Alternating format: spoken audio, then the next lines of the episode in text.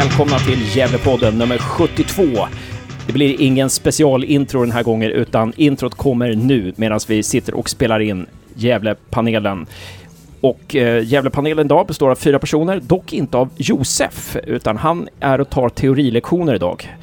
Eh, men vi har bra vi har en bra fyrmanna, eh, fyrmanna mittfält ändå, får säga. Jag heter Hasse Carstensen och eh, med mig ska vi börja med att presentera den som har varit väldigt med mycket på slutet och det uppskattar vi väldigt mycket. Eh, Patrik Seve Severin, välkommen! Tack så mycket! Och hur är läget med dig? Jo, det är bra. Det var ju som vi alltid säger det här att nu börjar ju vädret bli sämre och plötsligt trillar ju en poäng in. Så lite sämre väder till så är vi snart i toppen. Vanligt svenskt sommarväder, allt vi begär. Ja. Och eh, kul att du är med. Du, och du dricker en äppelmust, nu, kan vi säga. Och vi sitter på Waynes på Drottninggatan 4, där alla som har eh, medlemskap i Gävle IF får 20% rabatt faktiskt. Så att, har ni inte hört det förut så vet ni det nu. Och eh, därefter eh, hälsar vi varmt välkommen till också en, en, en trogen gäst i Gävlepodden och som faktiskt har spelat fotboll tillsammans, eh, spelat match mot Patrik Severin kommer vi fram till här. Eh, Jocke Karlsson. Tack så mycket. Patrik Severin är ju med som expert på svenska fans och expert i allmänhet. Eh, och Jocke, du är ju också med ofta som expert. Du är ju alltså tränarutbildare. Ja. Du är också, ja, du har varit tränare i GIF. Eh, eller du har varit assisterande tränare Ja. i GIF. Assisterande tränare i GIF och tränare i Sätra, Brynäs, IFK Gävle. Precis. Och sen, har du, sen är du sedan några månader tillbaka är du ansvarig för U-verksamheten i Gävle IF. Ja, akademiverksamheten. Akademiverksamheten Ja. heter det. Ja, just det. Eh, jättevälkommen. Och när ni spelade ihop, ni spelade mot varandra, det var i slutet på 90-talet kom vi fram till, eller hur var det? Länge sedan. Ja, just det. När Brynäs mötte Torsåker eller någonting sånt där. Ja, ni, ni får googla där och kolla om ni hittar några bilder därifrån. Eh, och extra varmt välkommen till Daniel Sasse Sandström från GDAB. Tack så mycket Hasse! Kul att få vara här! Eh, Grymt! En ära att du är med. Du var ju med lite, jag gjorde ju den här Gävle-panelen eh, för några år sedan på Svenska fans där och då var ju du en, en trogen gäst. Ja, just det. Eh, Du precis. lärde mig bland Mm. annat hur man ska eh, twittra så att andra än ens, eh, så att ens följare också ser det. Ja, men grymt att du är med. Du, du, Det har jag faktiskt glömt bort. Ja, Vad kul att du har kvar det. Ja, precis. Eh, och du, jag, jag kommer ihåg att jag tog reda på, visst hade du någon slags spelarkarriär bakom dig? Hade inte du någonting? Väldigt, väldigt medioker. Jag tror vi pratar tyst om den. Vi pratar, ni får googla det. Jag har lyckats googla Dock fram inte, någonting. inte, i- inte i Gästrikland i alla fall. Nej, just det. Det var uppåt Norrland. Mm. Ja, men eh, kul att du är med. Och det, det, vi kommer fram till att du är den enda som har sett båda GIF-lagens matcher i den senaste omgången. Så det är ju en, det är verkligen ett, en... Eh, där har vi verkligen en, ett kapital i Ja, Gävlepodden här. Så vi återkommer till de grejerna. passar ju bra att jag kom idag då, när jag har sett både damerna och herrarna senaste Verkligen, matcher. verkligen bra. Och sen var du med i tu- tumultet också ute i, vad var det, mellan Hofors och Torsåker? Ja, och jag såg SF igår. Jag har sett mycket fotboll på slutet. Ja, Ja. grymt. Ja, wow. Nu har vi väldigt mycket att prata om här. Men vi kommer ju fokusera, vi kan, vi kan komma på vilka sidospår som helst. Då kör vi på här med 72an.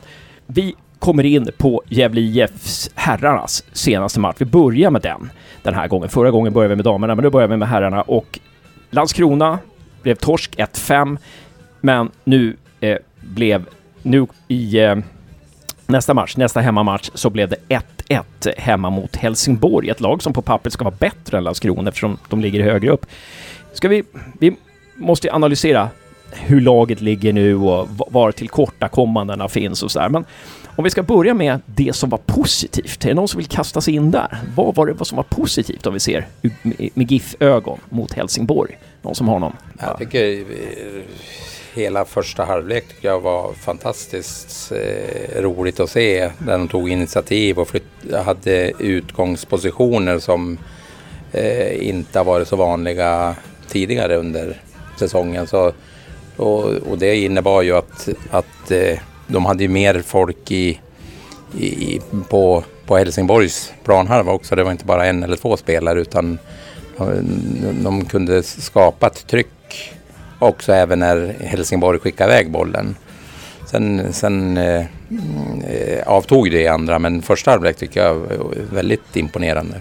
Mm. Och när du säger utgångspositioner, vad menar du det? Vad menar du då?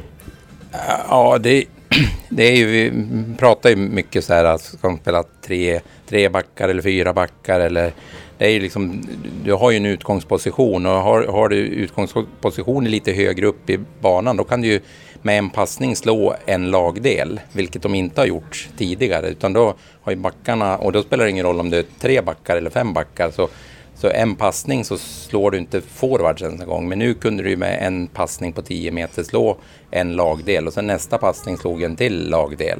Så de, hade ju, de var ju lite mer utspridda i, på fotbollsplan så att det blev lite svårare för Helsingborg att försvara också. Mm. Vi har ju försvarat väldigt djupt mm. ganska länge mm. egentligen, eh, framförallt i år.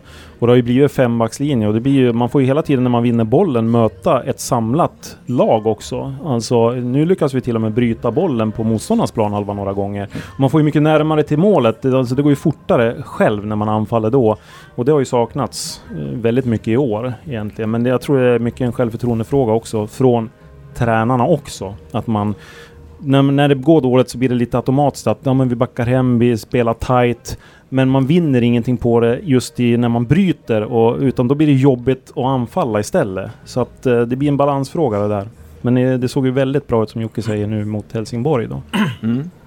Ja. ja, och jag får bara säga jag tycker det var kul att se Piotr att han fick en mer offensiv roll Eh, och han vågade utnyttja den där offensiva rollen som han hade. Man fick ett helt annat tryck, som ni har sagt, liksom på offensiv planhalva. Och man vågade alltså spela med tre backar eh, och föll inte hem med, med, vingarna som man säger då nu, nu för tiden, med ytterbackarna. Det är lite som ytterhalver i bandy nästan de här. De hängde kvar, vilket gjorde att man fick det här övertaget som ni pratade om. Och det var väldigt värdefullt. och Jag tror att Helsingborg de blev lite, lite överrumplade av det där att, att GIF vågade ligga så pass högt, att man inte backade hem. Eh, men som vi också var inne på så andra halvlek då, eh, de fick sig någon skrapa av, av Ljung där i paus, för HF var ju bättre i andra halvlek ja. men Sen är det ju, positiva grejer är ju naturligtvis att det inte blir mål i sista sekunden. Ja. Det är ju, ja, mm. fantastiskt eh, tur. Mm. Och, men däremot så är det obegripligt hur man tar tre minuters tillägg, man spelar nästan fem minuters tillägg. Ja. Men jag pratade med, jag vet inte om ni läste det, jag skrev, pratade med August Strömberg mm. efteråt och eh, han hade frågat domaren, han var ju vansinnig. Mm. Han menade att han hade såsat med bollen. Sen försökte jag, jag har inte tittat efter han försökte komma tillbaka, fundera i minnet och prata med några på redaktionen. Hade han bollen så mycket under förlängningsminuterna? Så pratade vi om att det var ett byte, Törnros, men då precis på klockan på 90. Så det kan han inte heller gärna lägga till för. Så att, jag Sebbe vinkar. Ja, du har en, nej, för att jag satt just uh, alltså och kollade på andra halvlek nu ja. innan här och jag satt också, för när jag såg matchen så tänkte jag, men vad 17 kommer de där ja. minuterna ifrån? Uh, men det som hände, precis som du säger, i 90 minuten blir det ett byte mm. och han har kanske meddelat innan att det är tre minuter ja. och då är det 30 sekunder som ska läggas mm. på för det mm. bytet. Mm. Sen ser jag på TV-bilderna mm. att när Strömberg ska sparka ut en gång, mm. då visar domaren tydligt att ah. han knäpper av klockan. Men jag fick det inte till att det skulle vara liksom 30 sekunder till. Nej. Men däremot blir frisparken blir ju exakt när den har gått fyra minuter mm, över tid. Sen tar det liksom en ja. minut innan den slås då, men ja. de får ju alltid slå den. Mm. Men sen ty tycker jag att han skulle blåst av. Han mm. skulle inte fått chansen på returen. Nej. För det borde vara ett skott, ja. slut. Som i handboll där, ett ja, skott. Precis. Alltså när bollen, ja, vara, när liksom, bollen träffar stolpen, då blåser han av. Då är det klart sen liksom. Ja, man undrar lite vad som hade, hur reaktionerna var om det hade blivit mål. För han ska ju sätta den egentligen där. Eh, mm. Helsingborgsspelaren som jag har glömt namnet på nu, fast jag skrev det igår. Eh, ja, jag har glömt bort vad han hette också. Det var ingen av de här. Det var ju Bojanic som slog frispark. det var ju en ny kille, en back va, som... Andreas eller något heter han? Nej, han hette något. Jag Nej. Ah, ja. Vi, Spelar ingen roll, han missade. Mm. Nej, men, och frågan är hur våran analys hade varit om de, Helsingborg hade gjort 2-1 på övertid. Mm. Eh, om vi hade varit så positiva till den första halvleken då, eller om det, vi hade varit totalt eh, knäckta över det låga spelet i den andra halvleken. Vad säger ni? Vad tror ni? Ja, det, är, det är väl det som är... Eh, alltså fotboll är ju känslor och det, det bygger mycket på på just resultat eller liksom den sista sparken. Eller, men tittar man, och framförallt som tränare så måste du ju vara mycket nyktrare och titta, alltså gå ifrån känslor. Vad är det som händer på, på planen? Så jag tror eh, Marcus och Johan, de hade förmodligen, även om det, var, om det hade varit surt och fått eh, stryk den matchen, då hade de ändå kunnat kamma in vad var det egentligen som hände. Men är du bara publik, eller bara, men är du publik och fans, då är det ju känslorna som styr. Och då är det ju precis, går man och tittar man på matchen igen så, så får man ju en helt annan upplevelse, mm. oftast. Mm. Och sen är det ju också så att när man ligger i botten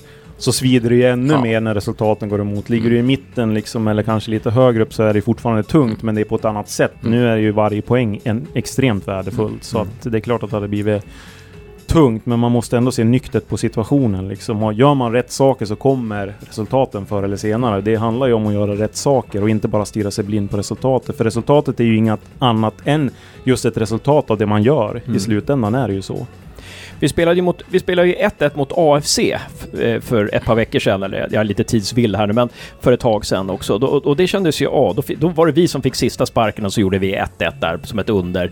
Om ni jämför den matchen med den här matchen mot eh, Helsingborg, den här 1-1 matchen, var vi, vad vill var vi lika bra då eller var vi bättre i den här matchen? Vad säger ni? Eh, eh alltså där, där, var det, där var det också två minuters tillägg på tillägget. Men där fanns det en tydlig mm, eh, anledning. Det låg en, en eh, AFC-spelare och ehm, eh, maskade vid mittlinjen. Så det la man till då och det var ju eh, GIFs stora lycka den matchen. Eh, där var man ju inte speciellt bra i första halvlek. Men man tog en liten chansning i andra och kände ändå att okej, okay, de här är inte... Alltså vi är ändå med i matchen i grunden med 1-0. Spelar man nästan med tvåbackslinje sista 20 minuterna. Och det gav ju resultat till slut. Så att jag tycker i stora hela så tycker jag den här matchen mot HF var bättre än den mot AFC. Eh, men det som jag eh, funderar över ganska mycket det är att man alltså gör bra resultat mot topplagen. Men mot lagen som är i samma region i botten av tabellen, som Landskrona till exempel. Så fort man har chans att komma upp och kanske komma förbi lite grann de här bottengängen, då förlorar man. Och eh, prata lite med Strömberg, målvakten, om det där. Han har väl ingen riktig förklaring utan men jag tror någonstans att det är liksom underliggande att okej, okay, de här kanske vi ska slå, tänker man innan. Mot Helsingborg och AFC, där är man ju nöjd med en poäng om man får med sig det och kan spela lite mer avslappnat. Jag vet inte Jocke, du som är tränare, um, har jag, tänker jag rätt där? Är det så? Jag, jag, det ser ju ut som så från sidan att man är mer avslappnad när man möter bättre lag. Förmodligen, nu är det ju bara spekulationer, ja. förmodligen så kan det ju vara en me mental, alltså ja. att du känner att du inte har den pressen. Men jag, jag personligen tycker att Superettan är så jämn mm. så att eh, de här topplagen kontra bottenlagen, det är, det är marginella skillnader i dagsform skulle jag säga. Och sen de, de som ligger i toppen, de har en lite bättre jämnare i dagsform. Så, så men jag, som Landskrona tycker jag de imponerar ju väldigt bra med sitt omställningsspel. De fyllde ju på, alltså det vi pratar om eller liksom det som är diskussionen är på Svenska fans exempelvis att eh, det inte är så mycket folk i straffområdet, det är en ensam. De har ju fyra stycken varenda mm. gång. Mm. Alltså det spelar ingen roll var de bröt bollen någonstans. Så mm, satt just så här, wow, vilket mm. lag. Och sen är det, de liksom ett bottengäng som presterar sån fotboll. Och det tror jag Nykomling vi, också. Ja, och jag tror att det kommer Öster nästa hemmamatch och ja, det kommer att vara lika jämnt. Eller, så, så men jag, jag, ja. jag, tror att det, du sänker ner axlarna när du inte känner att, att det är ett måste. De har ju Falkenberg nu nästa match, mm. GIF här, så att, uh, det kanske borgar för ett mm. nytt bra resultat. Jag vet inte, mm. Falkenberg ser ju bra ut alltså. Det, mm. Resultatmässigt i alla fall. Ja, jag har sett dem också spela. De är väldigt vassa. Alltså, det går fort när de anfaller. Men förra året var det väl 4-0 va? För Gävle. Just det. Eller 4-1 kanske blev 4-0. Blev det 4-0? Mm. Men då spelade vi ju väldigt defensivt och kontraslog på dem hela tiden, mm. kommer jag ihåg. Mm. Eh, så att, nej, det finns alla möjligheter. Vi har väl inte förlorat mot Falkenberg heller. När vi mötte dem i första omgången där, då blev det väl seger. När Falkenberg var nykomlingar. Har jag för mig. Jag tror inte mm. att vi förlorar borta mot dem. kanske. Ja. Ja. Nej, jag vet inte. Ja. Men vi brukar gå bra Jimmy, det Jimmy. Morén får kolla upp det där. Ja, Ja, men jag- jag undrar om jag kör, ja men på längre tillbaka, då jag för mig jag har varit där på den här lilla arenan som de har byggt om nu va? Ja. Och sett GIF och stryk. Ja, och jag har varit med. Du var kanske med och tränade då? Ja, var ja. det blev 3-0 någon Ja. match, en 10 år sedan någonting. Ja, Ja, ja, men då var det länge sedan. ja, det men var länge sedan. snälla och trevliga där i alla fall. Ja, De är väldigt trevliga. Ja. Ja. Falkenbergs IP hette den först va? Och nu Ja. heter den väl Falcon Alkoholfri Arena Ja. tror jag. Men, men, men det, är bra, vi har varit inne på det är ganska mycket positivt där i, i första halvlek. Vi försvarar oss bra. Eh, att det är ganska roligt för att den här podden har, jag skulle uppskatta att vi har, en sjättedel av våra lyssnare är fans från andra klubbar. Bland annat var det en Kal ett Kalmar-fan och ett Norrköpings-fan som hörde av sig till mig helt oberoende av varandra och sa att eh, fan, första halvlek, nu sitter ni ihop liksom. Nu sitter ni ihop på ett annat sätt. Det, det, kän, det känns som att ni vinner andra bollar och, och... För jag var rätt deppig efter andra halvlek. Jag tyckte att den var rätt dålig, men de sa men nu, nu känns det som att nu har mycket hänt sedan Landskrona-matchen och, och sådär. Så att det gav mig lite, lite... Att jag såg lite optimistiskt på det. Att, eh, men... Eh, eh, ja, det, det är många grejer som är bra i första halvlek. Piotr där har vi eh, pratat om och vi, vi ligger högre upp och, eh, och så här. Och, eh, men vad säger ni om den här formationen hur, som vi ställer upp då? Kan man säga att Johan Mjällby har hittat sin, sin, sin uppställning nu? Är det här den ideala uppställningen? Vad säger ni? Ni?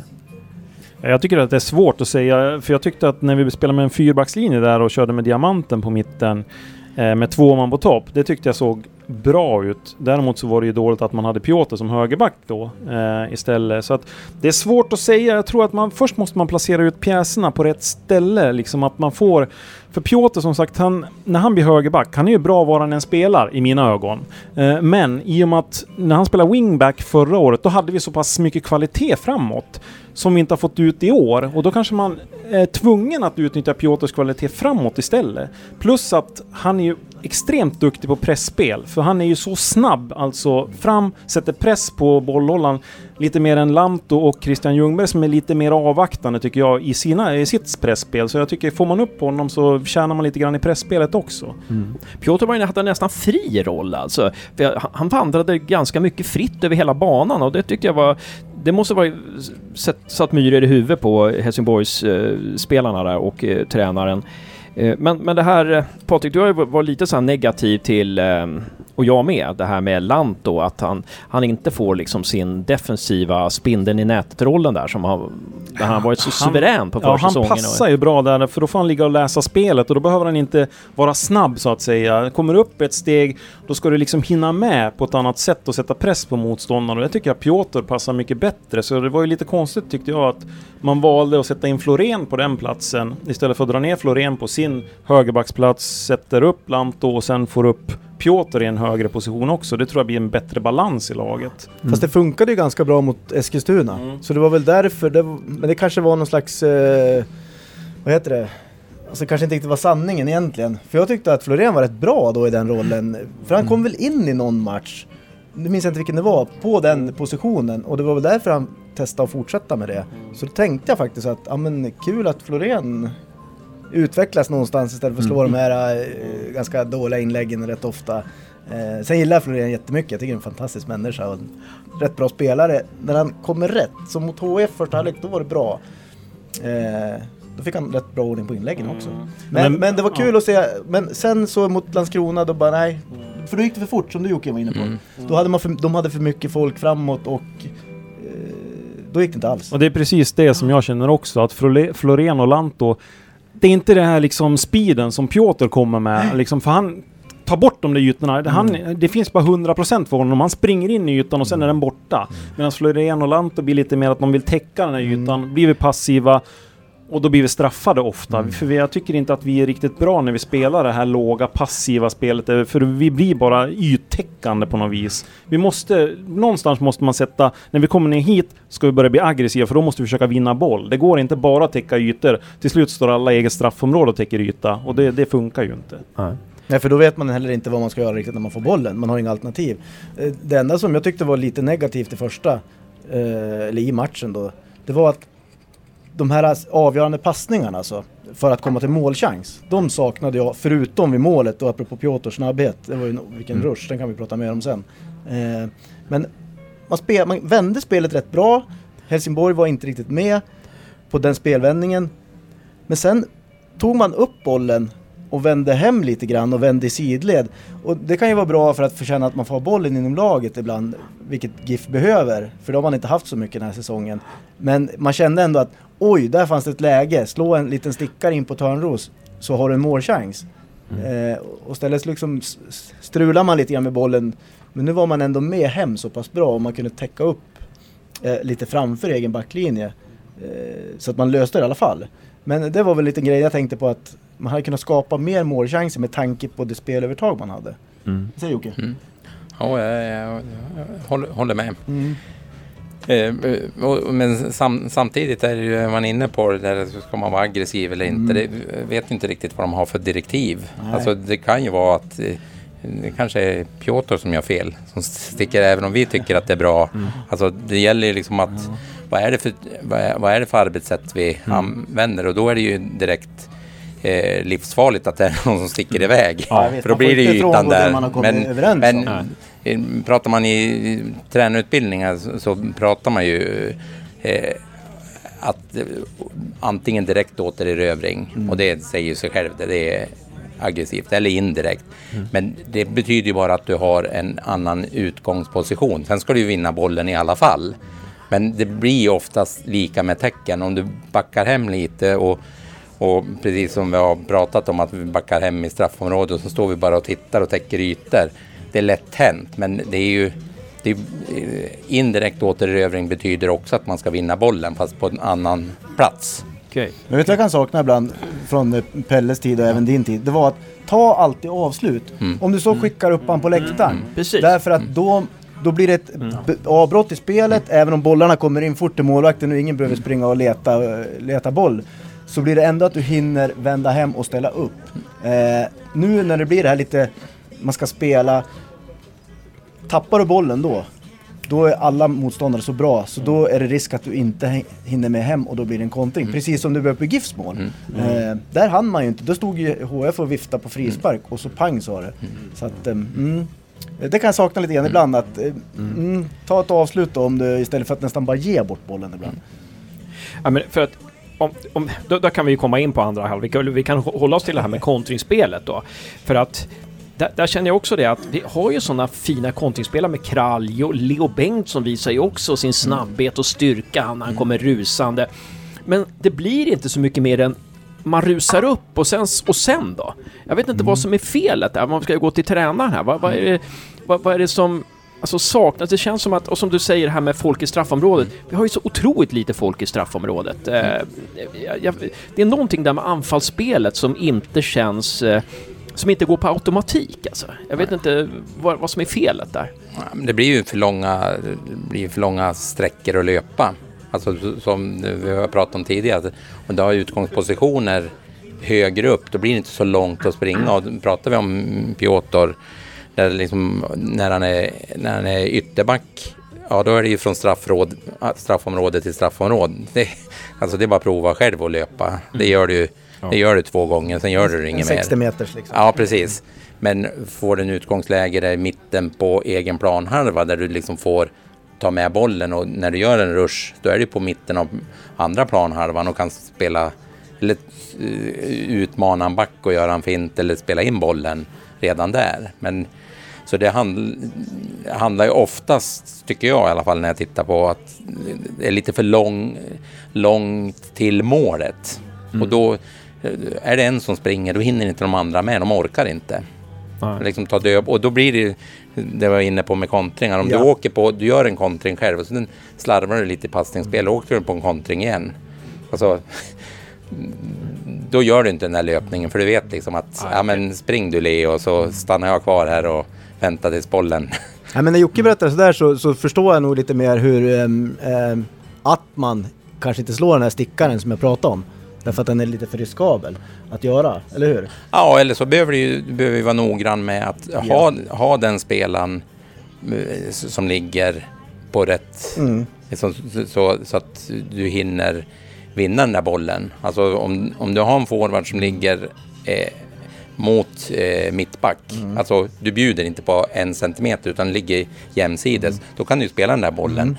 Jag som är anfallsspelare, jag är rätt vänd, backen är felvänd. Mm då då är jag först. Mm. Men om jag ger fem meters handikapp, då, då skulle jag kunna spela back och det- då skulle inte Adam hinna, eller jag skulle hinna före. Men jag skulle aldrig hinna med en enda gång om, om man är så noga med detaljer. Så, Ja, det är väldigt mycket detaljer som vi som sitter på läktaren och tror kan Nej. inte riktigt ser alltid. Eh, och därför är det intressanta grejer det där och liksom verkligen grotta ner sig i. Ja. Men du sa Adam, jag vet inte, det kan vi också Mm. bolla upp. Och han var inte med, skadad, lite skadad. eh. Mm. Skadad Eh, jag tyckte att GIF fick ett annat typ av spel. Eh, Jag tyckte att Törnros var, gjorde nog sin bästa match, inte bara för att han gjorde mål. Men eh, det blev, han, alltså Adam är ju väldigt snabb och han kan göra mål men det är väldigt mycket bara löpa där. Det är inte så mycket spela fotboll tycker jag. Nej, nej men vi, det har ju varit inne på också Mm. att Adam har ju varit utnyttjad på fel sätt också. Han ska ju inte vara bollmottagare med ryggen mot mål. Nej. Han ska göra näsan mot målet. Det är ju hans liksom styrka när han får en boll i djupled och kanske ta med sig eller utmana. Nu har han liksom fått spela med ryggen mot mål ganska mycket som ensam forward. Det säger sig självt att eh, då utnyttjar man ju honom på fel sätt också. Så det blir jättesvårt för det, det är ju synd om Adam att man sätter honom i den positionen tycker jag. Mm. Får se hur illa det är. Jag har inte hört senaste men om man kan om man är aktuell för, för spel på lördag är det väl Falkenberg va? Ja, är det det? Ja, det Ja. kanske det är. Ja, det, det det borde vi ha koll Ja, på. ja, jag, ja, jag, jag jag kan kolla koll. upp det medan vi snackar. Ehm, det, var, det var en eh, rättmätig fråga där. Jag, jag tar den direkt. Du, du tar den där, ja men grymt.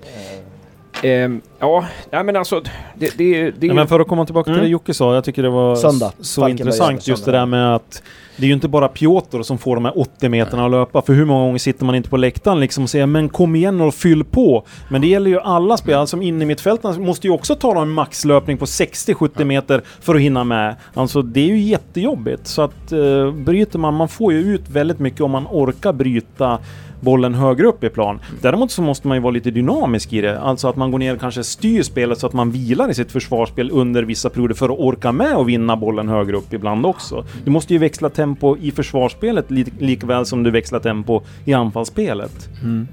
Och det är ju, det är ju nackdelen om, om man backar hem och jobbar med indirekt återerövring. Det blir ju långt till mål. Jobbar du med direkt återerövring då är det nära till. Alltså då vinner du bollen 10-15 meter utanför motståndarens straffområde. Då har du målchans. Men backar du hem som många gånger till, ja du står till halva eh, eh, planhalvan och vinner boll där. Och då ska du liksom passera mittlinjen och eh, det, blir långt. Så, och Ja. det, det är ju det är ju val vi, vi gör hela tiden. Alltså vad passar bäst. Men det jobb, måste ju ha viss typ av spelare. Det är jobbigt också att, att hela tiden ligga på och eh, vinna boll högt upp. Du måste vara oerhört aggressiv i ditt spel. Eh, och det krävs ju eh, en viss typ av spelare. Det krävs eh, alltså... Ja, det väldigt är, mycket psyke att liksom orka istället för att ta det, liksom ställa upp sig och börja om så att säga varje ja, ja, eller så kan man vända på det. Det är jobbigt att springa långt också. Ja, ja visst. Alltså, det är jobbigt på vilket, det är jobbigt olika sätt. Ja, det, är, det är jobbigt och slitigt att spela fotboll. Ja. Är, oavsett om du spelar division 4 eller om du spelar i, Mm. i Champions League så eh, det är jobbigt och eh, sliter på, hårt på kroppen och du behöver springa oerhörda mängder. Men om vi pratar om direkt återerövring, vår första press, som jag tyckte var hyfsad i första halvlek. Men i andra halvlek så är den otroligt osynkad. Och där, ty, jag vet inte, Törnros i första halvlek så utgjorde han ju ett hot, men i andra halvlek så... Jag tycker nästan man ska byta ut honom efter 50 minuter. Jag tyckte han verkar helt slut i andra halvlek. Han springer och springer, han vinner inte en nickduell. Han, han tar emot någon boll, men den studsar liksom bara på honom. Och han kan inte, pre- han orkar inte pressa så här. Eh, men det är ju inte bara Törnros fel, men jag, jag, vet, jag tycker vår press överhuvudtaget i andra halvlek var liksom... Nej men gällande Törnros så, så det är klart att han har varit skadad så mycket så det kommer att ta ett tag innan han liksom är fullfjädrad. Man ser att han hade kvaliteter eh, men att han inte orkar det är ju en sak. Eh, men där ser man också på honom Eh, när han inte orkar, då vill han gärna sjunka ner ganska långt och komma och möta nedanför mittfältet till och med. Var han nere och mötte bollen. För då blir det mycket enklare. Då blir det inte den här kampsituationen. Och så får han känna på bollen. Men när vi spelar med en ensam person på topp så blir ju det att då får vi inget tryck framåt alls. Det var ju flera gånger som vi kontraslog och så såg man Törnros komma joggande ja, bakom mittfältet för han orkar inte upp va. Och det är klart att det skulle man ha gjort ett byte tidigare. Men eh, Det är ju ganska givet att man inte orkar när man har varit skadad så mycket utan vi får vänta till efter sommaruppehållet innan vi ser en riktigt fullfjädrad Törnros. Ja, vad säger ni? Byta, byt, ja, byt absolut. Ja, det, det jag menar med att jag tyckte Törnros var bra var ju fram- framförallt första halvlek då. Ehm, nej, men han har ju blivit pappa precis också så att eh, även om man säger att han sover så tror jag inte att... Det Nej. vet man, eller hur? Ja, jo, så är det. Livet har tagit en vändning för honom. Nej men jag unnade Erik att få ett mål. Eh, det gjorde jag verkligen. Och det var ett bra mål också. Ett bra Väldigt snyggt. fotbollsmål. snyggt. Mm. Och han har ju Mm. två lägen till också Mm. i första halvlek och det har vi ju inte haft nästan på hela året. Eh, Det var ju en gång han sköt utanför och en gång han missade bollen. Och det var ju båda i straffområdet där han tog sig fram på helt rätt sätt. Så det ser ju lovande ut, absolut. Men vi kommer ju till alldeles för skott. Vi har ju för få skott på mål. Alltså, Ja. jag, man tänker vår, våra forwards. Tänk ändå, vi, vi säger att Thomas Andersson hade inte så bra trupp som, som Poja, men Thomas Andersson hade faktiskt Oremo och Dennis Hymmet. Några sådana har vi inte i år alltså. Jag menar alltså, vi, vi sköt ett skott på mål, förutom målet. Mm, mm. I senaste matchen. Ja. Och vi, vi ligger där alltså. Mm. Runt ett, två skott på mål per match. Men det är inne på är att ta avslut. liksom. Alltså man, Ja. spelar, man, man vän- vänder tillbaka och spelar sidled. Men ja, alltså återigen. Gör man ett mål på två skott så är det bra facit så då. Men det är klart att man måste ju skjuta mer och avsluta mer. Men samtidigt är det nog viktigt för laget också för att hålla lite boll också. För det tror jag man vill göra. Eh, man vill inte liksom spela det här eh, att gå direkt på avslut hela tiden utan eh, men absolut, självklart, det är ju inte hållbart i längden att, att avsluta så lite. Nej. Det är det ju inte om man vill Nej. vinna matcher. Men, men nu, nu säger vi att Johan Mjällby och Mackan har hittat någon form av grunduppställning. Det är så här vi ska spela. Så där. Då kan man ju fråga sig Okej, Johan är ny, ny tränare så här, men de har börjat träna 8 januari eller 10 januari. Borde man inte ha hittat det här innan dess?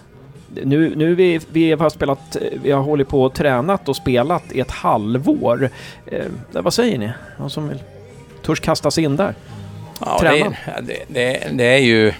Eh, det handlar ju också om mod och, och, och tro på det vi håller på med. Och eh, jag som tränare ska tro på det, jag ska förmedla det till spelarna. Och det räcker ju med några negativa resultat så börjar jag som tränare tvivla eller spelare. Och då, är- då är det ju lätt hänt att det som... Jag har gjort upp en plan, jag tror ju på det här då är det lätt att du börjar flytta på någon pjäs och till slut så har du flyttat allihopa och, och det blir ingenting istället för att ja, men jag tror på, på min tanke och det får gå lite tungt i början men jag, vi jobbar vidare för vi kommer på sikt att bli bättre. Men det är ju lättare sagt än gjort. Mm. Tror du att det har att göra med hur rutinerad man är som tränare också? Att man mer Alltså struntar i, när man är mer rutinerad kanske man struntar i att jaga resultat utan man jagar prestationer istället. Ja, ja, det är jag eh, övertygad om. Och framförallt när det går dåligt. Alltså, ett lag som går bra, då kan, skulle jag vilja säga, vem som helst träna laget. Och du kan bete dig hur du vill. Alltså du kan, du kan såga spelarna, du kan, du kan komma in och, och rulla ut en boll och sitta och käka godis på, på bänken. Alltså, verkligen ytterligheter. Men och, och folk, spelarna kan tycka liksom vilken jävla knäppskalle, men vi vinner. Det är ingen som frågasätter någonting för allting går bra. Så fort du, det går dåligt, då blir du synad i sömmarna. Liksom vad du säger för någonting, eh, hur, vi spe, hur laget spelar och så vidare. Och då krävs det ju en, ett, eh, både tålamod och mod att våga nu står jag för det här. Det här ja, vi fick stryk med 5-1, men vi kör vidare. Kan man tänka sig så här att Johan Mjällby kom in och fick som han visste så här, så här vill vi spela, sa Gävle IF. Vi vill spela med trebackslinje, vi vill spela med två wings, vi vill spela med, med tidig återerövring, papp, papp, papp och så vidare. Och, och att han kände att till slut att nej, det här, är, det här ställer inte jag upp på. Det här har inte vi spelarna till. Att Gävle IF hade någon, någon vision som egentligen inte hörde ihop med verkligheten. Vad säger ni där? Att, att, att, Ja, jag har jättesvårt att uttala mig om det.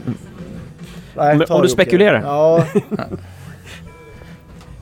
Nej, men jag, Ja, ja. jag är ju... Min syn på, på, utan att kritisera någon annan, utan det är min e- högst personliga åsikt att, att eh, liksom, om jag är tränare för ett lag, då, då jobbar jag med den, det materialet och gör det så bra som möjligt. Alltså sen om, om jag måste ändra utifrån mitt sätt att se fotboll. Helst skulle jag vilja spela, vi säger kontringsfotboll. Det gillar jag mest. Men om vi inte har det, om vi har många spelare som är bättre på, vi spelar upp, flyttar upp och sen eh, ja, håller på att passa bollen lite och vinner mark.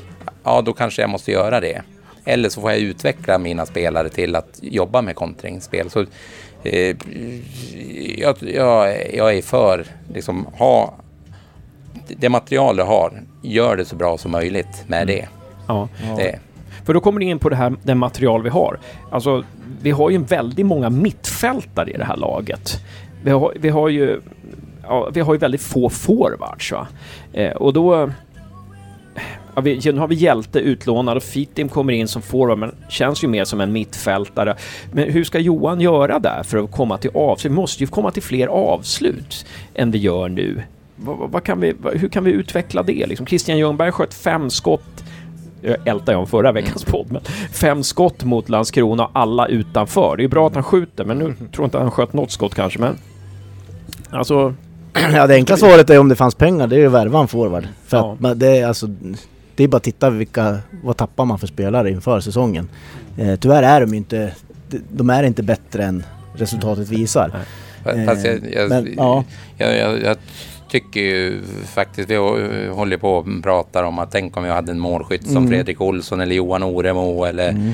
eh, Dragan eller så här. Hur många mål har de gjort kontra hur många mål har Adam gjort? Mm. Ja, han har gjort Nej, fyra, fyra ja. mål. Jag är helt säker på att vågar vi tro på Adam och Erik så kommer de stå, de har gjort tio mål var. Det är helt Mm. Det kan jag sätta eh, ja, min skjorta.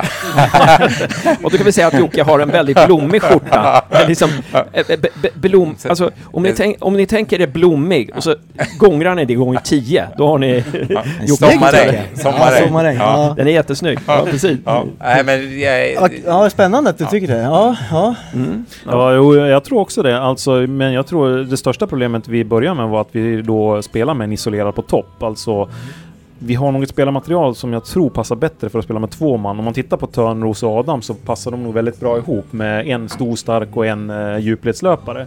Eh, och har vi då spelare som eh, Piotr och vi har Ljungberg, vi har eh, ja, andra också som kan lägga de här avgörande passningarna. Eh, så tror jag också att vi kommer att göra de mål vi behöver göra till slut. Okej, okay. ja men vad bra. Ja, vad tror du Sasse? Ja men det är kul att ni tror på grabbarna och visst utnyttjar man dem på rätt sätt så jag säger absolut inte emot.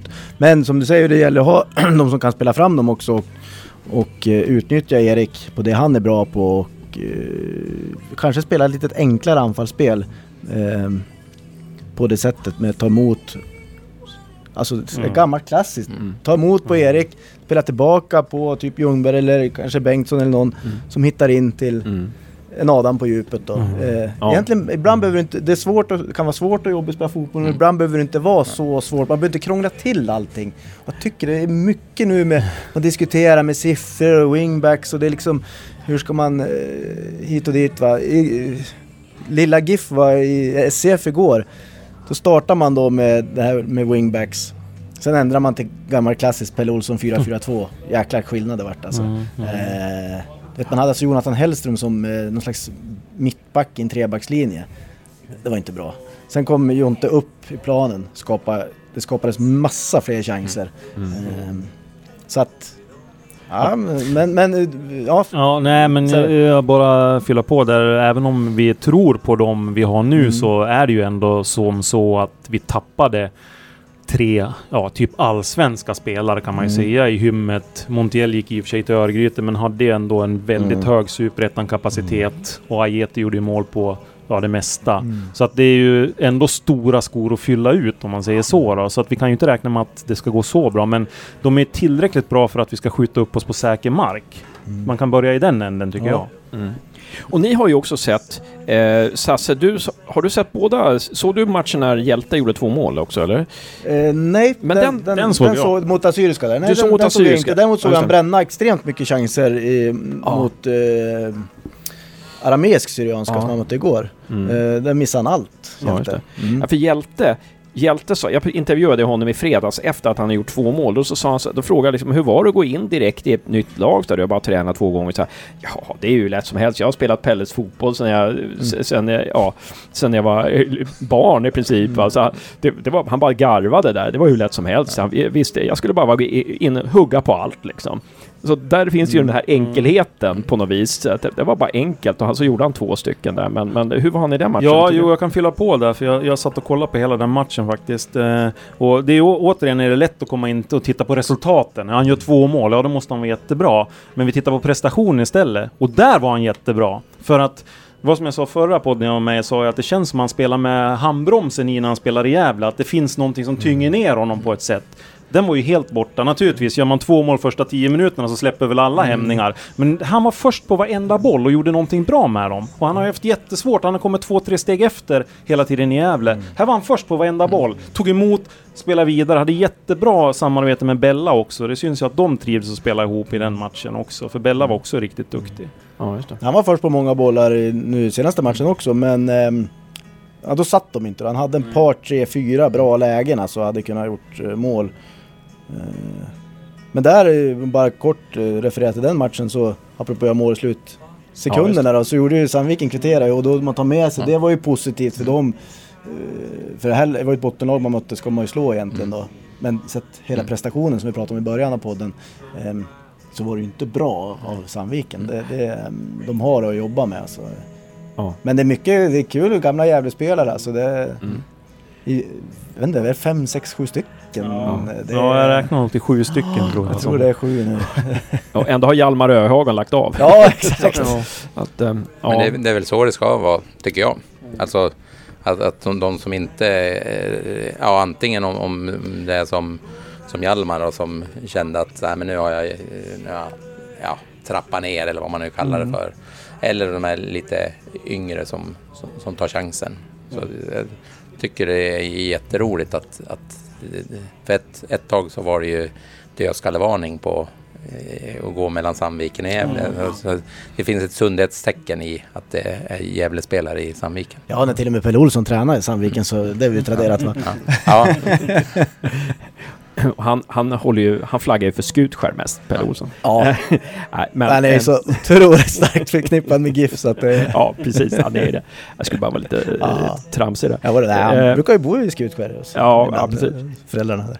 Nej, men vi har ju pratat ganska mycket om GIF här nu. Vi har pratat om SIF också och eh, eh, Ehm, ja, vi kan väl se framåt mot Falkenbergsmatchen då. Hur, hur, hur skulle ni vilja att, vad vi bör, ska vi bli, bli, bli bättre på mot Falkenberg och eh, hur ska vi starta? Några trådar ni vill dra i där? Ja, man måste köra vidare.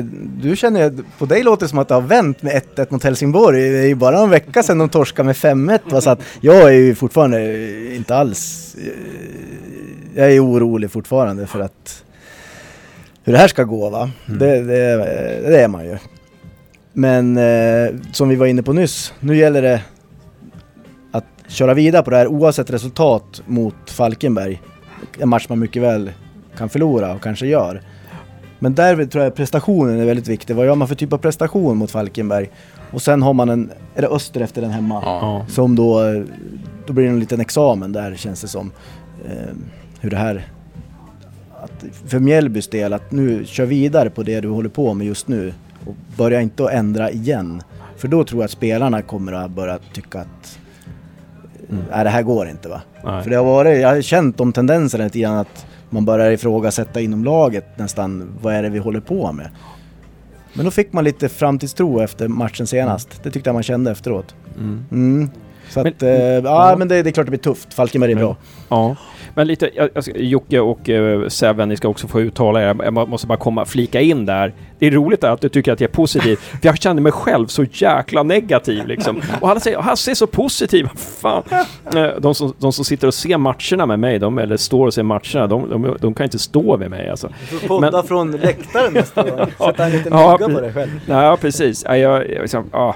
Eh, så att ibland, egentligen ska jag gå ut och gå promenader när GIF spelar. Men, men, men alltså det jag tänker rent psykologiskt. Alltså vi, vi är väldigt veka mentalt just nu och hoppas att Micke som är mental coach åt laget nu kan få in någonting. För att det, det är liksom som att vi är bra ofta i början av matcher sådär. När, när, när det är 0-0 sådär har vi inget att förlora så här första halvtimmen och sen så kan vi börja deppa ihop och, och sen så när vi ligger under med 1-0, då kan vi också vara rätt bra liksom. Ja, då har vi ingenting att förlora så där. Men, men, men som när vi tar ledning med 1-0 mot Helsingborg, det är nästan som att vi slutar spela tycker jag. Alltså, det, det är någonting där, oj, nu kan vi förlora istället för att gå för tvåan så känner jag att Nej, att vi kryper ihop lite, vår press funkar inte och, och ja, vi blir mer eh, stillastående på något vis. Jag vet inte vad ni säger där, det är bara jag som känner så. Nej, men jag, eh, jag vill hålla med och det är väl lite det jag skulle önska att se mot Falkenberg också. Att, att, att man jobbar med det, det de tränar på eller det man pratar om hela matchen. Och oavsett vad det står för någonting. Att du uppfyller de kraven som är det att fylla på i straffområdet då ska du göra det i 90 minuter eller 95 minuter, inte i 45 minuter. Sen kan det ju vara eh, att man ändrar eh, spelplan men, eh, och arbetssätt. Det kan ju vara beroende på resultat men man behöver uppfylla det, det som ska uppfyllas av samtliga spelare. Det skulle jag vilja se. Mm. För det var ju samma mot Landskrona tycker jag. Ja. Första kvarten var ju väldigt bra bra, bra start och sen när de mm. gick ikapp där och gjorde 1-1 där så såg det eh, Ja, det här kan bli riktigt roligt andra ja. halvlek. Sen 1-2, sen var det liksom... Ja, ja det målet var väldigt onödigt. Ja. Det, var, det var väldigt avgörande för matchen. Ja. De släppte in 2-1 precis innan, innan paus där. Ja. Eh, och, och, då börjar de göra andra saker mm. också. Mm. Liksom. Än de ska göra. Ja, liksom. exakt. Men jag hörde på Mjällby efter matchen nu mot Helsingborg så, så sa han att vi har ju haft ett antal bra prestationer. Eh, det var egentligen 30 minuter mot Landskrona som inte var bra. Och han har ju varit oerhört kritisk eh, till mm. oss i tidningarna. Mm. Att det var sjuårsnivå och allt möjligt har han ju mm. sagt. Så att, eh, jag vet inte hur spelarna riktigt eh, tar det. Men, men jag tycker att det är uppfriskande ändå att mm. våga Ja men att markera någonstans. När man ändå gör en helt okej okay mm. första halvlek mm. mot Landskrona. Sen tycker jag, jag uppskattar hos Mjällby att han är en känslomänniska också. Han säger det han tycker för stunden. Mm. Han är inte så mediatränad mm. liksom. Det är väl på något vis, jag är Johan Mjällby, jag säger vad jag vill, ungefär sådär. Och det är lite, lite, lite uppfriskande. Patrik, någonting eh, inför Falkenberg? Någonting du önskar se? Ja, nej, det är ju en bra prestation naturligtvis. Eh, det är ju också en sån match eh, där man kan gå in lite avslappnad. Ingen i hela Sverige förväntar sig att Gävle ska kunna ta poäng. Lite grann som mot AFC. Mm. Jag tippar ju 1-1 i den matchen mot AFC. Jag sa ju att det skulle kunna hända. Att de liksom känner att den här matchen kommer vi att vinna. Falkenberg har nog samma känsla tror jag. Mm. Lite grann att nu, nu, nu har vi hemmaplan mot Gävle. Det ska bli tre poäng. Så gå in avspänt Gör det man har sagt att man ska göra och gör det i 90 minuter. Det var som jag skrev till dig en gång att vi måste komma upp från det här att vi gör 30 minuter bra i matcherna upp till 60 minuter bra i matcherna och bara ha ja, färre dippar. Det är ju det som måste till för att vi ska liksom kunna höja oss. Så gör det man har kommit överens om och försök göra det i hela matchen. Så spelar det egentligen inte stor roll vad det blir utan då, då har man en prestation med sig till de här matcherna som kommer sen som är väldigt viktiga. Mm. En bra match är egentligen som en, en bra säsong. Har så, alla lag får dippar under en säsong, under en match. Men de måste vara så få och så komprimerar de så mycket det bara går. Då, så det hänger faktiskt ihop där lite grann. Ehm, ja. Tyvärr har det varit för stora dippar resultatmässigt och spelmässigt för Gävlen här. Ja. Ehm, ja. Men ehm, som du säger, det är, många lag är väldigt jämna och, och, och vad det handlar om för GIF tycker jag, det är ju att få ett par segrar. Det är ju så i fotbollen att mm. tre poäng Mm. Får ett par treor i rad, då biter det på bra och du, ja. du, eh, du kan klättra ett par pinnhål och då får du en annan trygghet mm. i din verks dagliga verksamheten, träning, vad du håller på mm. med. Va? Annars, hela tiden, annars blir det väldigt resultatjagande. Du måste liksom jaga en pinne där, en pinne här. Mm. Jag, jag, skulle vilja se eh, fler målchanser. Att vi, kommer, att vi kommer att vi vågar utmana där framme. Att Kralj vågar utmana mer när han mm. kommer på vänsterkanten. Att vi, att vi, och som du var inne på Jocke, fler i straffområdet. Mm. Alltså det är väldigt jobbigt att försvara om man känner att man inte skapar någonting. Att allting hänger på vårt mm. försvarsspel, annars kommer vi förlora. Eh, och... Eh, Ja, alltså, så vore det kul om vi fick med, vad får naturmål? När studsar, skjut liksom. Det kan ta på något ben och hit och dit alltså. Ja, fortsätt skjuta. Eh, inte så mycket tveksamhet. Utmana i straffområdet och funkar inte, utmana igen alltså. Det, det skulle jag vilja se. Men bara komma in på det där med, med Mjällby igen. Jag vet inte. För när Poja kom i fjol, då var det ju uttalat att Poja sa direkt att vi kommer att spela på det här sättet. Oavsett om vi åker ur eller om vi blir kvar så kommer vi att spela på det här sättet. Och det hade väl Poja mandat för att göra misstänker Ja, jag för det var så utsatt position. Man Precis. var ju nästan ur redan Ja, då. så man hade kom. nästan räknat med liksom, ja men det blir division 1 nästa Mm. år, men då ska vi sätta ett spel som liksom kan ta oss upp igen. Och där är frågan, jag vet inte om ni har hört någonting, men vad fick Mjällby för direktiv när han kom? Han kanske fick direktivet att vi ska hålla oss kvar till alla pris. Det får se ut hur det vill göra. Jag har ingen aning om det. Liksom, och då kanske han jagar resultat. Han kanske inte alls har samma förutsättningar från styrelsen. Liksom att sätta ett spel. Åker vi ur så åker vi ur. Men vi måste sätta ett spel. Jag vet inte. Ja, Jag vet inte heller. Lagerström drog ju direkt där efter han kom nästan. Så att, eh, eh, han kanske inte har fått, jag vet inte Jocke. Nej, jag vet kan inte. inte säga det riktigt. Och även om Jocke visste kanske han inte skulle säga. Eller? Nej, jag, Nej, jag, nej. jag vet faktiskt inte. Nej, det vet jag inte. Nej, nej, precis.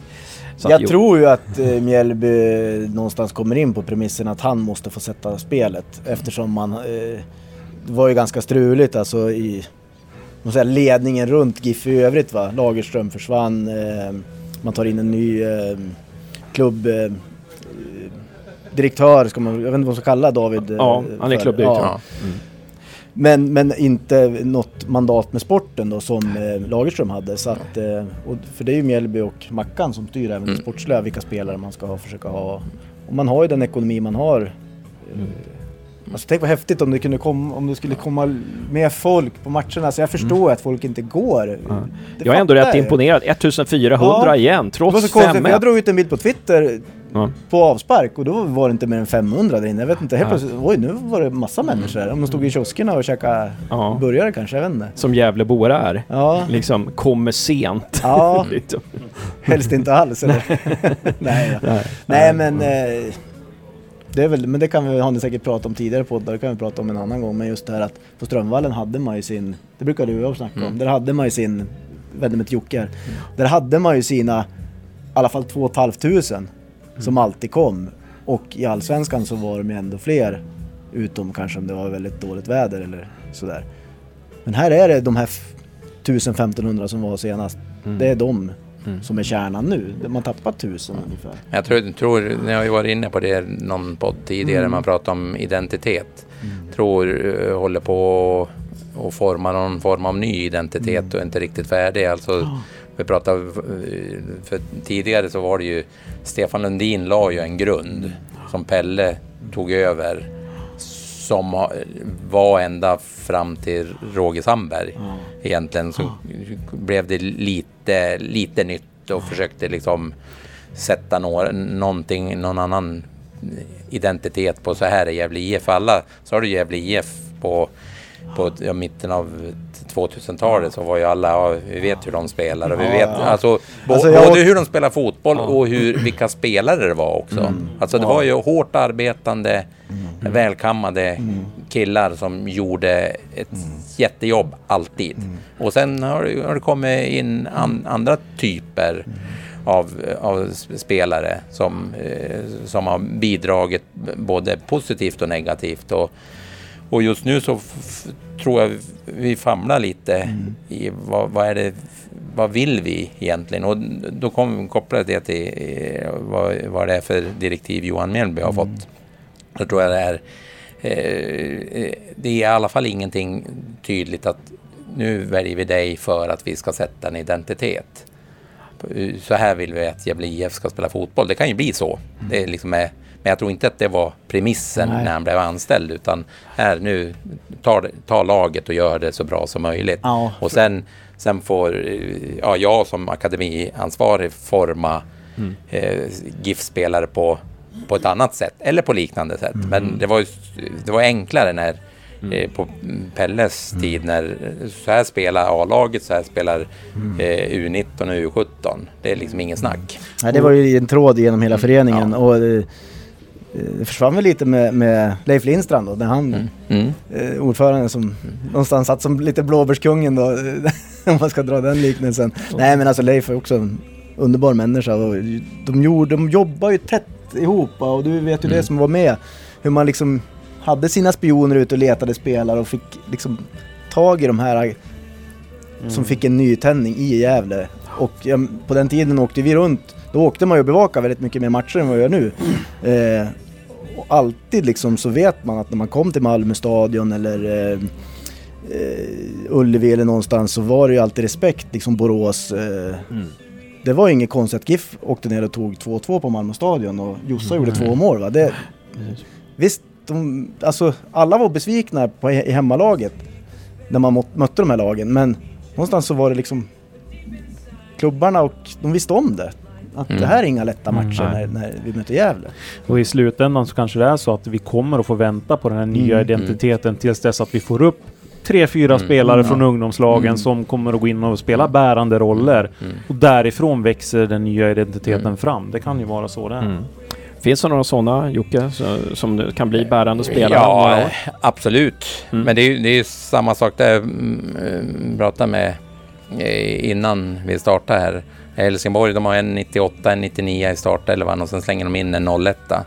Ja, det är också... Sen kan man prata om liksom vad, ja, de har en högre kvalitet än vad våra spelare har. Det är också en kultur att våga släppa in våra spelare. För jag är, jag är helt säker, nu har jag inte tittat på några träningar så jag blir säkert motsagd av de som är och så, Men jag har sett några U19-matcher. Eh, så en sån som Melvin eh, skulle inte jag tro göra bort sig och med inhopp likväl som om du slänger in en 01 i, från Helsingborg så skulle du kunna slänga in en 0-0 i Gävle IF. Mm. Så, Och det, och, och, och det finns, eh, det kommer att, komma med, med tiden. Men det, det är både där, vad ska vi göra för att ta nästa steg? Alltså behöver vi, eller det är ju klart vi behöver göra det. Träna på någonting, vi behöver förbereda våra spelare så att just nu så hamnar de i truppen men inte längre, de allra flesta. Hur tränar vi för att de ska komma in i, trupp, eller in i truppen, in i A-laget, göra avgörande insatser. Det är dit vi strävar och det, råämnen finns det i alla fall. Ja, Melvin har ju... Det är kul att se honom för han har sånt... Han har ju nästan ett internationellt steg. Ja. Alltså hur han flyter fram liksom. Det går fort med bollen och allting. Och så, ja, han måste ju få chansen för att liksom utvecklas också. Mm. Eh, Så är det ju. ja, det ska bli intressant att se var vi hamnar här. Vi, eh, vi har facit om några månader, om var, vilket håll vi är på väg. Eller om några år kanske vi vet om vi har hittat en identitet eller inte. Men eh, det har vi inte tid med nu, utan nu ska vi gå in på några andra saker innan vi slutar här. Vi ska gå in lite på damerna också, som har vänt det här nu. Från att man förlorade mot Sandviken där så vann man en kuppmatch och sen så har det liksom, har man fått tillbaka spelet på något vis, sa Thomas Axlund i, i vår förra podd. Och ehm, eh, Sasse, du var på senaste dammatchen här när man slog Gustavs Goif med 5-1 efter 1-1 i pa- paus här. Mm. Vad har du att säga om spelet där? Det var första matchen jag såg eh, GIF eh, i damettan eh, den här säsongen. Eh, och jag tycker att det var, andra halvlek var ju, det var bra klass. Eh, på en kvart, 20 minuter där så avgjorde man den matchen och spelade väldigt bra fotboll.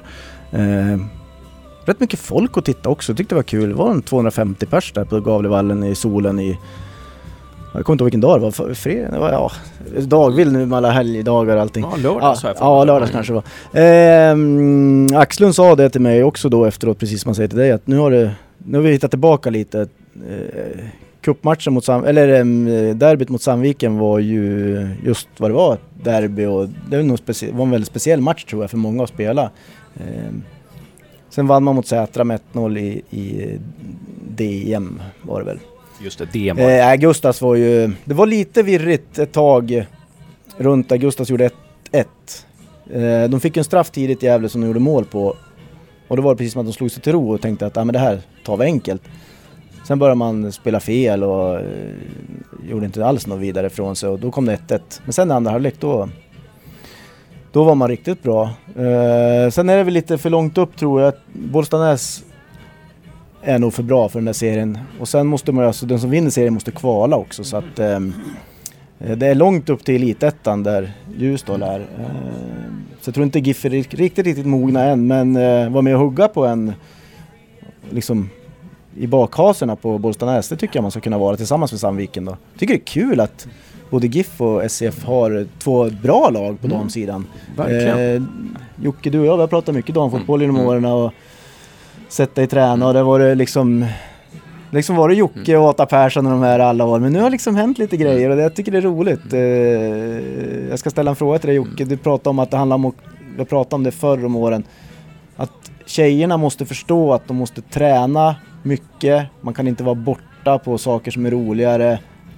Eh, eller roligare, det är roligt att spela fotboll men om man har någon resa eller något eller ja, jag ska gå på bio ikväll eller vad det kan vara. Utan man måste träna varje träning. Då blir man också bättre på matcherna och liksom har det, bli- har, har det hänt någonting? Har, har det skett en förändring med en ny generation som kommer upp? Eh, Ja, eh, bara när jag pratar med Thomas och det han, han delger i podden också. Så han, han börjar ju en resa där, där det var väldigt tydligt. Vi- Vill, vill, vill ni vara med på den här resan, då ska vi träna.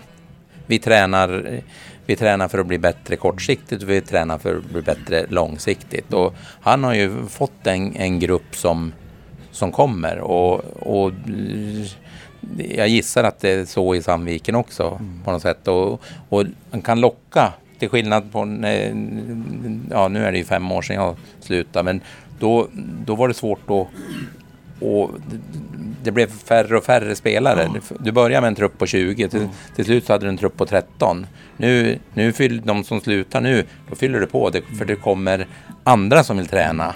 Så det- det är säkert en, en ny generation och att de ser ju eh, att eh, också eh, jag kan bli fotbollsproffs även som tjej. Alltså det händer ju jättemycket. Eh, för fem år sedan så var ju det, ja det är en eller två. Nu är det ju, i landslaget är det väl i alla fall en fem, sex, sju stycken som är pro, proffs och det finns även proffs i, i Rosengård och Linköping där de nå- några stycken som kan försörja. Så tar man fem år till så, alltså de här tjejerna som är 17-18 år, när de är 25 så, så är det troligt att de, de har andra förutsättningar. De har en Så- månadslön. då Så, så de kan ju titta på att, ja, min dröm att bli fotbollsspelare, det är inte bara en dröm, utan den kan bli verklighet. Mm. Så, eh, så absolut. Ja, det som var intressant när du sa det här med bredden och att det finns många man fyller på. Det syntes ju jättetydligt i den här matchen mot Gustavs. Man får göra fem byten eh, i damettan. GIF gjorde fem byten och man blev bättre. Alltså det kom in fem bra spelare. En tjej som heter Matilda Henriksson som brukar starta. Hon gör alltså två mål. Visserligen var det 3-1 redan, men hon verkligen gick in och punkterade och... Eh, Klara från- Engström som kom in Ja. eh, också, hon var ju skyttedrottning Ja, förra visst, året. kommer från att, eh, bänken in ja. och det är lika bra spelare som de som startar va. Eh, och att se det på, Mm. på, i, i damettan, det tyckte jag var... Gustavs, de hade alltså... Man såg liksom, hela GIFs bänk var fullt med spelare som satt va, beredda va.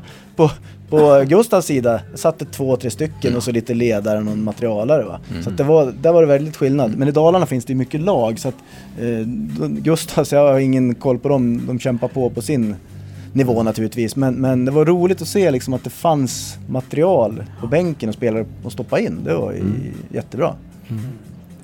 Ja, Jag bara reflekterar på det du sa där Mm. Sasse om att eh, ja, det blir svårt att gå upp Mm. eh, och det är ju tufft. Och jag, direkt tänkte jag på det Nanne Bergstrand sa när han var tränare för Hammarby för han fick ju höra ni måste gå upp. Men Mm. han sa alltid att ja, vi ska gå upp men vi ska inte gå upp förrän vi är redo att gå Mm. upp. Och det är det jag menar alltså. Prestationen måste komma först. Alltså sen kommer resultatet av sig själv. För att gå upp för tidigt så kan det bli en jättetuff säsong. Kanske Mm. ta jättefå poäng och så får du en negativ känsla istället. Liksom fortsätt bygga, fortsätt utveckla. Man går upp när man är redo att gå upp. Ja visst, det. man är så tidigt i sin... I, i, man är ändå eh, fortfarande i sin linda som man säger. I, i, i liksom... i- I Gävle IFs damverksamhet, eller damlag ja, så att... eh, Jag håller med dig helt. Det är ingen brådska alltså. Och, och de är många unga spelare så att, Men bara man får behålla eh, ett antal av dem så de inte är så pass bra att de lockas direkt nu över när de gått ut skolan och sånt där. Nej, och, och, eh, utmaningen är just där när de blir eh, lite äldre än skolålder. Alltså för då börjar de jobba och, och många av dem här jobbar ju i affärer och alltså i kvällstid och, och helger och eh, alltså skapa förutsättningar så att du kan komma loss från eh, jobben. För det är ju det, det, det är lätt att träna mycket när du går i skolan. Alltså, men skaffa en partner och flytta hemifrån och få jobb och sen ska du säga jag tränar fem, sex gånger i veckan. eh, fast jag, jag får betala mina fotbollsskor själv och, och träningsoverallen och sen ska jag sälja någonting och titta, måste ju partnern titta på en liksom, är du, liksom, är du inte klok? Det är som min fru när hon tittar på mig, ska ni göra podd igen? Vad tjänar du på det? um, uh, tjänar jättemycket säger jag. Ja, vad bra säger hon. Ja. Så, tyst. Nej, men, men, um, men bra. Vi, men, vi, jag mm. tänker just när vi var inne på Ljusdal, de har ju gjort den här resan, de var ju tålmodiga. Går upp i, i, i ettan, blir lite bättre för varje år. Och till slut så var de så bra så att nu utmanar vi. Och egentligen jobba bara med sina egna spelare runt omkring i Hälsingland. Nu har de ju kryddat lite i, i Elitettan, men, mm. men annars var det ju de väldigt... De började egentligen sin resa sista året jag var i IFK. Då spelade vi cupmatch mot Ljusdal. Och då, då liksom, ja, det var ju Thomas Wennberg som är en av, av många tränare i Ljusdal nu också mm. som, som startade upp det där. Nu ska vi träna mm. hårt och, och det är liksom 2013 och de bär frukt 2018. Ska man göra något sånt där behöver man en visionär, en inspiratör ja. som ja. går i bräschen liksom. Mm. Eh, ja, men bra, och damerna har ju glädjande nog också fått eh, 100 000 av kommunen. Mm. Kommunen går in och eh, specifikt eh, punktsatsar på damerna och Eh, det är ju välförtjänt. De har ju ett väldigt bra rykte. Man, man pratar med folk i fotbollsvärlden, fotbollsgästrikland, så är det ju, pratar man väldigt gott om, om damerna. Mm. Eh, men sist ska vi säga nattfotboll. Eh, och där, Patrik Severin, du vet lite mer än jag att Gävle IF ska starta upp någonting som Sandviken har jobbat med ett tag och några andra föreningar. Eh, nattfotboll, det är inte riktigt klart när det drar igång, men det kommer att vara en gång i veckan och eh, ja, vill du fylla på lite där? Ja, jag vet att de håller på med ett projekt nu då som... Eh, de har väl tittat på Sandvikens det framsteget som de har hållit på med. Eh, jag vet inte heller när de, de, kommer igång, men det kommer ju vara ett ungdomsprojekt då eh, med inriktning på integration då. Alla ungdomar i samhället, oavsett var man kommer ifrån, eh, kommer ju vara inbjudna. Fotbollen kommer att vara liksom grunden eller basen i det hela. Men sen så tror jag att de kommer att ha väldigt många olika aktiviteter och gäster kring det också. Jag vet att de håller på att jobba med det nu, men det är väl någonting vi kan återkomma till så fort vi får reda på det. Min syster ingår i projektgruppen så att jag har ju lite inside där. Men eh, ja, de är en liten bit ifrån än, men det kommer att komma igång vet, man vet inte riktigt när det kommer komma igång, om det är sommar eller höst? Eller? Nej, nu handlar det väl om att eh, fixa fram ledare eh, och så vidare. Och det kommer ju inte vara mitt i natten. Det heter ju nattfotboll, men det är ju kvällsaktivitet då, som kanske pågår fram till midnatt eller någonting sånt. Då. Så de håller på att jobba med det nu. Eh, jag har inget, de är inte så långt borta, det vet jag. Men, men inget eh, spikat datum har jag. Mm. Men det, det, kan vi återkomma till. Mm, intressant. Nej men hörni, då, har vi suttit här och pratat i över en timme. Eh, tack så väldigt mycket, eller jag ber om ursäkt, jag ska säga. Men tack så mycket för att ni ställde upp i, i Gävlepodden. Eh, tack så väldigt mycket. Vi, ska, vi tar en liten tackrunda. Tack eh, Sasse. Tack eh, Hasse. Det var väldigt trevligt att vara med. Det var kul. Ja, vad kul. Hur smakar kaffet? Mycket gott. Kanon. Tack ska du ha Jocke. Tack själv. Någonting du inte har fått säga? Massvis. det kommer nästa gång. Ja. Eh, tack Patrik. Tack Hasse. Eh, och då så tar vi en liten tipsrunda. Vi tar, då har vi spelat damerna match mot Selånger på söndag. Tar vi lite tipsrunda kring den och sen så tippar vi också eh, herrarnas match mot Falkenberg som spelas på söndag också va? Mm. Var det, det, det ja. kollar upp. Vilken ja. tid spelas den matchen? Oh, jag tror det är 15. 15. Jag tror damernas match går klockan 13, så då kan man mm. gå, åka upp på vallen och titta på den. Eh, vi tar en runda först på damernas match då. Hur slutar den? Eh, Gävle IF siffror först. Eh, vad säger Sasse? Det blir 3-0 till Gävle. Jocke? Ja, jag tänkte ju säga detsamma, men vi säger 3-1 då. Patrik? De tog båda mina resultat, så jag säger 2-0. Okej, då säger jag 5-2 till Gävle IF. Eh, matchen alltså, eh, damernas match mot Selånge klockan 13.00 på söndag på Gavlevallen. Och sen bortamatchen mot Falkenberg klockan tre på söndag. Eh, hur slutar den matchen? Ska vi ta börja med Patrik den här gången? Jag kör repris på mitt AFC-tips 1-1. Jocke? Eh, 1-2. Betyder det att Gävle Ja. vinner med 2-1? Mm. Oj, ja då, då, jag tror inte Gävle tar poäng utan det blir 2-0 till Falkenberg. Då tror jag på... eh, Jag tror, precis som Jocke, på vinst. Jag tror det blir 3-2 till Gävle IF faktiskt. Nu lossnar det. Bara sådär helt plötsligt. Ja, men jättebra. Eh, tackar hörni. Eh, hoppas ni vill vara med fler gånger. Absolut. Ja, gärna. Tack så mycket.